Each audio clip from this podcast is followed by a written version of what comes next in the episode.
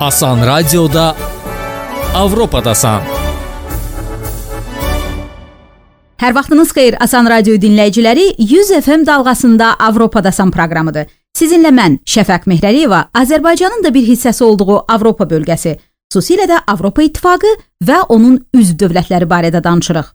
Bu gün növbəti yarım saatda. Avropa İttifaqının dəstəyi ilə ərsəyə gələn Yurdumun ləzzəti milli qida məhsulları brendi qədim reseptlərimizi necə bərpa edir? Bizim bu qida sahəsində olan unikal məhsullarımız da öz yerini tutmağa başlayıbdı. Litva və Azərbaycan Əmək və Əhalinin Sosial Müdafiəsi Nazirlikləri Avropa İttifaqından 1.5 milyon avro maliyyə dəstəyi alaraq ölkəmizdə pensiya sistemini təkmilləşdirməyə davam edirlər. 2 il davam edəcək layihədən gözləntilər sırasına pensiya sistemi üzrə xidmətlərin maksimum avtomatlaşdırılmasına nail olunması məqsədi ilə qanunvericiliyin təkmilləşdirilməsi və s. daxildir. Onlayn paylaşımlardan böyük səhnəyə Avropanın müasir pop ulduzları şöhrətə qısa yol tapırlar.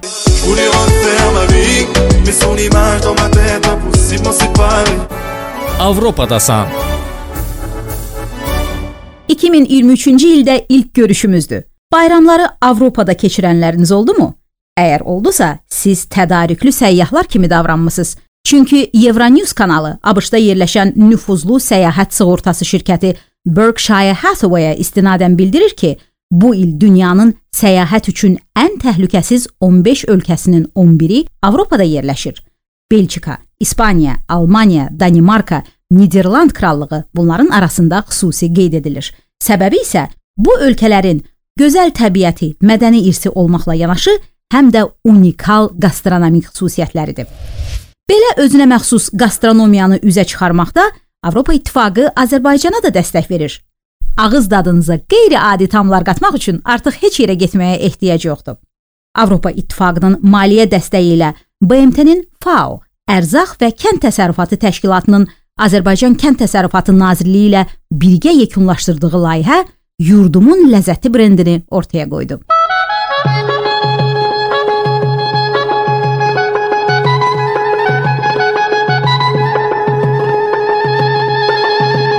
Bu brend altında ölkəmizin şimal-qərb bölgəsinə məxsus yerli qida məhsulları nəinki ölkəmizdə tanındı, hətta Avropa bazarlarına doğru addımlamağa başladı. Yurdumun ləzzəti brendinin sosial media səhifələrində bu məhsulları hardan əldə edəcəyiniz barədə məlumat tapa bilərsiniz. Onlardan biri krem bal, qədim qaymaq bal səhər yeməyimizin Avropa sayağı yeni imici. Digəri isə qaxac İlisu kəndində ətin qurudulması texnologiyasını 4-cü nəsildir qoruyan Bayram Məmmədov Avropa İttifaqının regionlarda dəstək göstərdiyi istehsalçılardandır. Layihə çərçivəsində aldığı təlimlər vasitəsilə indi o qaxac ətin hazırlanmasını nəinki ənənə kimi qoruyur, hətta təkmilləşdirir də. Biz deməli televizorda, kinolarda baxanda digər xalqların qidalarına, yeməklərinə, onların ənənələrinə həmişə maraqlanırdıq. Amma özümüzün məhsullarımızı nəyə görə dünyada tanımırlar deyə təəssüflənirdik. Şükür Allaha bu gün Azərbaycan müstəqildir. Azərbaycanın deməli hər sahədə uğurları dünyada deməli tanınır və bizim bu qida sahəsində olan unikal məhsullarımız da öz yerini tutmağa başlayıbdı. Qaxac əti, yurdumuzun ləzzəti markası altında deməli qaxac dolma ətinin də bu formada təqdim olunması böyük bir deməli fərəh verir. Bizim də deməli dünya qida sektoruna təqdim eləsi çoxlu-çoxlu məhsullarımız var və bu da bunlardan birisidir. Bu məhsulun hazırlanması individualdır. Hər əldən çıxan məhsulun deməli dadı, tamı fərqli olur. Burada necə deyirlər bu deməli əl əməyi göz nuru. O bu deməli bu məhsulun dadına, tamına və görkəminə təsir edir. Qaxac əti deməli dadmayanlar üçün ancaq biz qonaq dəvət edə bilərik, təklif edə bilərik ki, hər şey yerində daha gözəldir. Amma bu imkanları olmayan adamlara biz deyərdik ki, yəni bu fərqli bir şeydir. Bu deməli kalbasa deyil, bu deməli kaptit olmuş ət deyil. Bu tamamilə fərqli şeydir. Bu mən deyərdim ki, bu deməli 2000 il yaddaşı olan bir deməli minimum bir məhsuldur. Dağlarda qədim insanımız özünün qış ehtiyatını ancaq ətə olan ehtiyacını deməli qaxac əti ilə bu qaxac dolması ilə eləcə də yəni meyvə, tərəvəzə, vitaminlər olan ehtiyacını da quru meyvələrlə tənzimləyib və bu günə qədər də bunlar gəlib çatıbdır. Qaxac deməli bu əti bu dağ xalqlarına aid olduğuna görə kənddən kəndə fərq edir. Hətta mən deyərdim kəndin başı ilə balaca kəndlərdir bir məsəl üçün 150-200 təsərrüf. Kəndin başı ilə kəndin ayağındakı deməli hazırlanan xörəklərdə fərq var. Hər nənənin, hər deməli gəlinin, hər xanımın özünün deməli fantaziyası da var orada. Əti hazırlayanda nənələr, babalar deməli biz əti payızda hazırlayanda hansı əzadan, hansı xörəklərdə istifadə olunacaq biz onun təyinatını bilirik. Bugünkü texnoloji proseslərdən istifadə edərək biz deməli bu faunun xətti ilə müəyyən avadanlıqları alıb qismən sənaye üsulu ilə bunun hazırlanması ilə məşğuluq. Bunu e, deməli Avropada başqa cür bu gün satırlar. Hər deməli malın deməli e, cəmdəki əzasına uyğun deməli doğrayırlar. O deməli bizdə verən effektdən yaxşı effekt vermir şübhəsiz ki, bizdə deməli o cəmdək bütöv hazırlanır. Amma deməli bunu müştərinin zövqünə uyğun hər hansı bir deməli doğramaq formasında qablaşdırmaq formasında mümkündür. Amma deməli bu gün biz necə ki bunu deməli e, sənaye satış üsuluna çıxarmamışıq. Ona görə deməli e, bizdə bazarda deməli hələ tam təftiş getməyib ki, yəni müş hansı müştəriyə necə. Bunu çipsi kimi, kartof çipsini ət çipsi kimi təqdim edə bilirik. Qax rayonunun İlisu kəndində fermer Bayram Məmmədovu eşitdiniz. Avropa İttifaqının maliyyə dəstəyi ilə məhsulu yurdumun ləzzəti brendinin altında satılır. İstehsalçının da bildirdiyi kimi, hələ qədim dövrdən uzun qış aylarında dağlarda yaşayan insanlara yaxşı qidalanmağa imkan verən qaxac ətdən çeşidli yeməklər hazırlanır. Bu qədim reseptlərin bərpa edilməsi də Avropa İttifaqı layihəsinin çərçivəsində aparılan işlərdən idi. Qaxac ətdən hətta dolma hazırlanır. Bunun üçün ət çəkilərək Ona ədviyyat, soğan, turşu vurulur. Daha sonra xüsusi hazırlanmış malın bağırsağına doldurulur və qurumağa asılır. Onu da deyək ki, qaxacı yalnız soyuq vaxtlarda hazırlayırlar ki, ət xarab olmasın. Külək və ayaz əti yaxşı qurudur.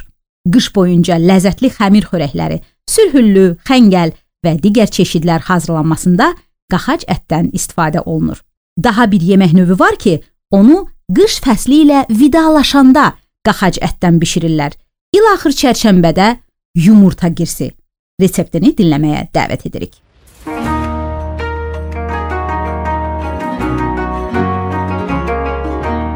İlsuda çox məşhur olan yumurta qırsının hazırlanmasında qaxac ətindən istifadə olunur.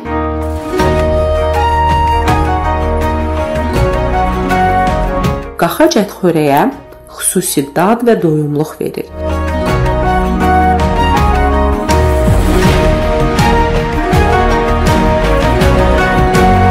Hazırlanmasında çox sayda yumurtadan istifadə olunduğu üçün bu nəfis yemək elə yumurta qırsı adlanır.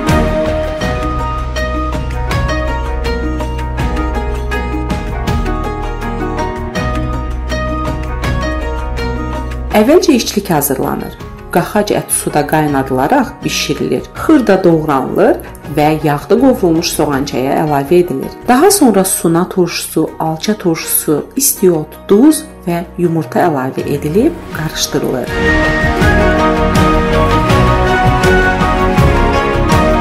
Un, su və duzdan ibarət xəmir hazırlanır. Kündələrə bölünür.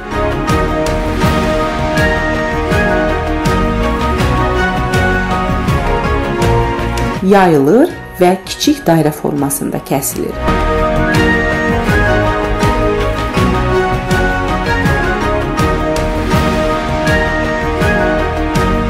Dairə şəklində kəsilən xəmirlərin kənarları bükülür və bir tərəfindən içliyi doldurmaq üçün xeyli bükülməmiş yer saxlanılır.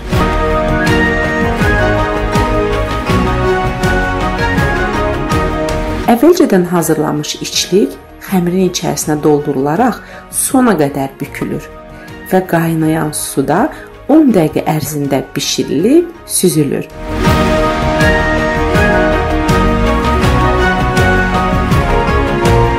Yumurta qırsı süfrəyə zirinc suyu ilə verilir.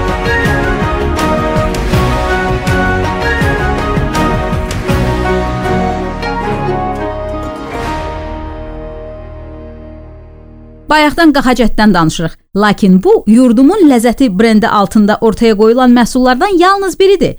Avropa İttifaqının maliyyə dəstəyi ilə yekunlaşan Azərbaycanın şimal-qərb bölgəsində davamlı və inklüziv yerli aqroərzaq məhsulları sistemlərinin inkişafı layihəsində satış və marketinq üzrə milli ekspert Ülviyə Əkbər bildirir ki, qədim reseptlər və yerli təamlar əsasında bir sıra innovativ məhsullar yaradılıb. Brendimiz hələ bazarda tam ə, öz adı ilə çıxmamışdı. Biz ə, dövlət tərəfindən və ya beynəlxalq təşkilatlar tərəfindən təşkil olunmuş müxtəlif sərgidə, tədbirlərdə satışlar etmişik. Yəni bu ilkin tələbatı yoxlamaq idi və çox gözəl getdi.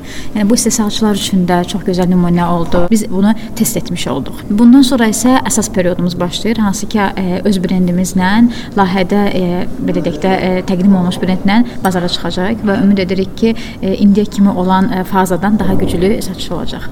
Ən populyar e, və ən çox sevilən məsələn enerji topu deyə bilərəm sizə ki, enerji topu dediyimiz hansı ki şəkərsizdir. E, bildiyiniz kimi insanlar e, daha çox şəkərsiz, təbii qidalara üstünlük verməyə başlayıblar və enerji topu, çınar konfeti bizim böyüklərimizin çox sevdiyi, bizim bilmədiyimiz ə, çınar konfeti bizim istehsalçılarımız onu qədimi adət-ənənəyə əsasən hazırlayır və eyni dadda, amma daha keyfiyyətli məhsul təqdim edirik bazara. Balın çox spesifik növünü tanıdıq. Ə, Məsələn, biz Bakıda e, balın belə çeşidli olduğunu bilməzdik, amma e, bu bölgədə e, bal istehsalçıları ilə danışdıqda baxdıq ki, xüsusi tutaq ki, şabalat balı var, hansı ki, onu müxtəlif xəstəlikləri olan insanlar belə qəbul edə bilər və heç bir ziyanı olmur. Bunun kimi qaxac məsəl üçün çox maraqlıdır. Hələ ki ağız dadımız tam bəzi belə deyək də istifadəçilərin ağız dadı tam alışmasa belə, qaxac məsələn çox sevildi və o da sürpriz məhsullardan idi. İstehsalçılarımız daha çox qədimi adət-ənənəyə əsaslanan məhsullar bizə təqdim etdi. Amma ə, e, biz nə etdik? Biz ə, e, mütəxəssis olaraq, yəni bir qrup mütəxəssis, hansı ki, mən biznes inkişafı üzrə ekspert ə, və məhsulların ə, məhsulun inkişafı üzrə ekspertimiz, biz onu ə, biz onu innovativ məhsula çevirdik, yəni. Ə, çünki ə, qədimi adət-ənənəyə olan məhsullara baxdıq, ə, bazar tələbatını ölçdük və onun ikisini birləşdirib onu innovativ məhsula çevirmişik. Məsələn, enerji topu bayaq da qeyd elədim. O bizim üçün artıq bir innovativ məhsuldur və yaxud da onun kimi bir neçə məhsul var ki, yaxın gələcəkdə görəcəksiniz bazarda. Yurdumun ləzzətli brendinin sosial media səhifələrində bu məhsulları hardan əldə edəcəyiniz barədə məlumat tapa bilərsiniz.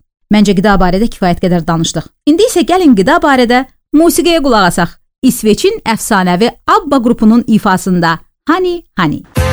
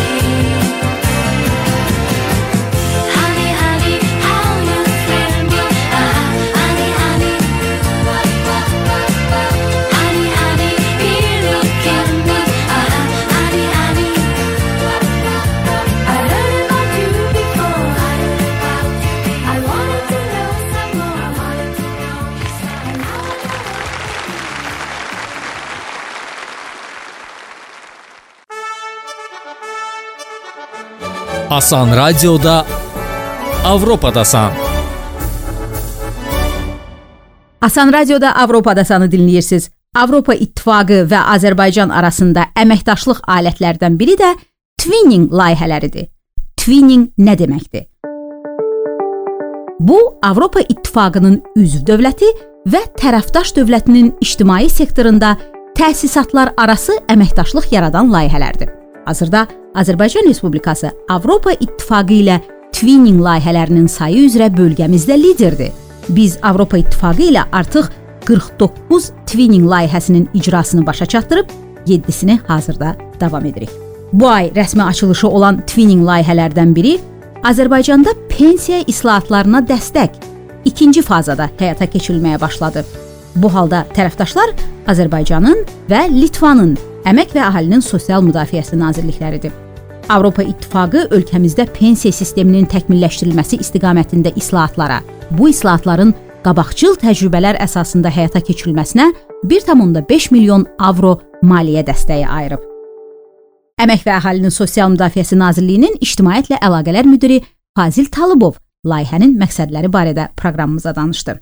Bildiyiniz kimi prezident cənab İlham Əliyevin sosial islahatlar proqramı pensiya təminatı sistemini də əhatə edir və aparılan islahatlar nəticəsində sosial ödənişlərdə, o cümlədən pensiyalarda son illər ciddi artımlara nail olunub. Eyni zamanda pensiya sisteminin qabaqcıl dünya təcrübəsi əsasında təkmilləşdirilməsi sosial islahatların prioritetlərindən biridir. Qeyd edim ki, bundan əvvəllər də Avropa İttifaqı ilə birgə sosial müdafiə, tibbi sosial reabilitasiya, e, sığorta pensiya, məşğulluq sahələrində islahatların aparılması üzrə twinning layihələri icra olunub və müvafiq sahələr üzrə institusional potensialın artırılmasında önəmli rol oynayıb bu layihələr. Avropa İttifaqının Azərbaycanda pensiya islahatlarına dəstək twinning layihəsi də ölkəmizdə sığorta pensiya sisteminin fəaliyyətinin, bu sistemin uzunmüddətli inkişafı üçün institusional əsasların, təhlillərin qabaqcıl Avropa təcrübəsinə, bu təcrübə ilə praktik tanışlığa əsaslanan aktuar modellər əsasında təkmilləşdirilməsinə xidmət edir. Həmçinin layihə pensiya təminatında son illər rəqəmsallaşma üzrə əldə olunan uğurların daha da inkişaf etdirilməsinə, əhaliyə göstərilən xidmətlərin maksimum avtomatlaşdırılmasına nail olunmasına, bu sahədə qanunverici bazanın inkişaf etdirilməsinə dəstək məqsədi daşıyır. Azərbaycanda pensiya islahatlarına dəstək twinning layihəsinin ilk mərhələsi 2017-19-cu illəri əhatə edib və layihə Litvanın Sosial Təminat və Əmək Nazirliyi ilə əməkdaşlıqda uğurla icra olunub. Layihənin ilk mərhələsi gözlənilən müsbət nəticələrini verdi nəzərdə tutulan komponentlərin hər biri üzrə məqsəd yönlü işlər aparıldı. Eyni zamanda layihə çərçivəsində Avropalı həmkarlarımızla da uğurlu bir əməkdaşlıq təcrübəsi formalaşdı. Təbii ki, layihənin ikinci fazasına başlanması da layihənin ilk fazasının bu müsbət təcrübəsinə əsaslanır. Layihənin ikinci fazası da Litvanın Sosial Təminat və Əmək Nazirliyi ilə əməkdaşlıqda icra olunur. Ümumilikdə Əmək və Əhalinin Sosial Müdafiəsi Nazirliyi ilə Litvanın Sosial Təminat və Əmək Nazirliyi arasında əməkdaşlıq əlaqələri getdikcə genişlənir. 2019-cu ildə Bakıda iki nazirlik arasında əməkdaşlıq sənədi imzalanıb. Həmçinin iki nazirliyin məşğulluq orqanları arasında fəal əməkdaşlıq təcrübəsi mövcuddur. Yeni pensiya sistemində islahatlara dəstək faza 2 twinning layihəsi də bu birgə iş təcrübəsinin davamı olacaq. Ümumilikdə 2 il davam edəcək layihədən gözləntilər sırasına pensiya sistemi üzrə xidmətlərin maksimum avtomatlaşdırılmasına nail olunması məqsədi ilə qanunvericiliyin təkmilləşdirilməsi, bu sistem üzrə elektron məlumat bazasının sistemləşdirilməsi, uzunmüddətli dövr üzrə keyfiyyət və kəmiyyət analizlərinin təkmilləşdirilməsi ilə daha dəqiq proqnozların hazırlanmasına dair təkliflərin hazırlanması, strateji təhlillərin həyata keçirilməsinə dair institusional bazanın təkmilləşdirilməsi və s. daxildir.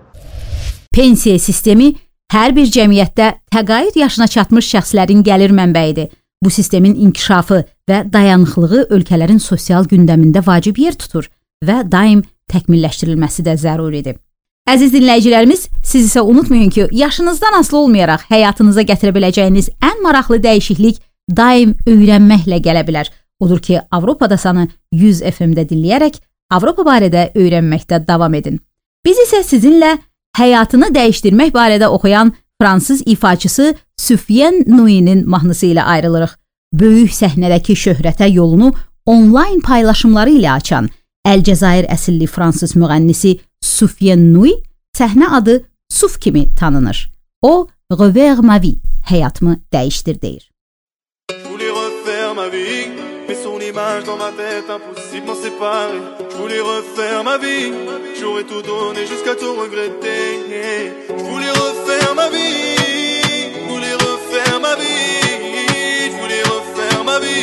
Mais son image dans ma tête, impossible séparer. Je voulais refaire ma vie, mais son image dans ma tête, impossible séparer. Je voulais refaire ma vie, j'aurais tout donné jusqu'à tout regretter. Je voulais refaire ma vie refaire ma vie, je voulais refaire ma vie. Mais son image dans ma tête, impossible séparer. Je voulais refaire ma vie, elle se balade dans ma tête comme si j'étais condamné. C'est de jour comme de nuit, et les photos sur mon tel me replongent dans le passé. J'étais comme dans un film, et malgré toute notre histoire, je n'ai fait que tout gâcher. Maintenant j'en paie le prix, et je dois tout conjuguer au passé. Ah, c'est pas normal, tout ça, c'est pas normal. On s'est fait du mal, oui, on s'est fait du mal. C'est pas normal, tout ça, c'est pas normal. On s'est fait du mal, oui, on s'est fait du mal. Je voulais refaire ma vie, mais son image dans ma tête, impossible m'en séparer. Je voulais refaire ma vie, j'aurais tout donné jusqu'à tout regretter. Je voulais refaire ma vie, je voulais refaire ma vie, je voulais refaire ma vie, mais son image dans ma tête, impossible m'en séparer. Je lui ai dit reprends-moi s'il te plaît, j'ai changé on oublie toutes les erreurs du passé. Je sais qu'il reste encore des sentiments, mais essayons de mettre tout ça sur le côté. Ah, c'est vrai, t'as pris sur toi, et t'as dû tout accepter, tout pardonner. C'est vrai, je reconnais mes torts, mais t'es la seule pour qui je peux changer. Ah, c'est pas normal, tout ça, c'est pas normal. On s'est fait du mal, oui, on s'est fait du mal. C'est pas normal, tout ça, c'est pas normal. On s'est fait du mal, oui, on s'est fait du mal. Je voulais refaire ma vie, mais son image dans ma tête, impossible m'en séparer. Je voulais refaire ma vie, j'aurais tout donné jusqu'à tout regretter. Je voulais refaire ma vie, je voulais refaire ma vie, je voulais refaire ma vie, mais son image dans ma tête, impossible m'en séparer. Ah, je suis pris en otage, perdu dans mes sentiments. Je dois tourner la page c'est toi qui mènes la danse. Je suis pris en otage, perdu dans mes sentiments. Je dois tourner la page, toi qui mène la danse. Je voulais refaire ma vie, mais son image dans ma tête, impossible d'en séparer. Je voulais refaire ma vie, j'aurais tout donné jusqu'à tout regretter. Je voulais refaire ma vie.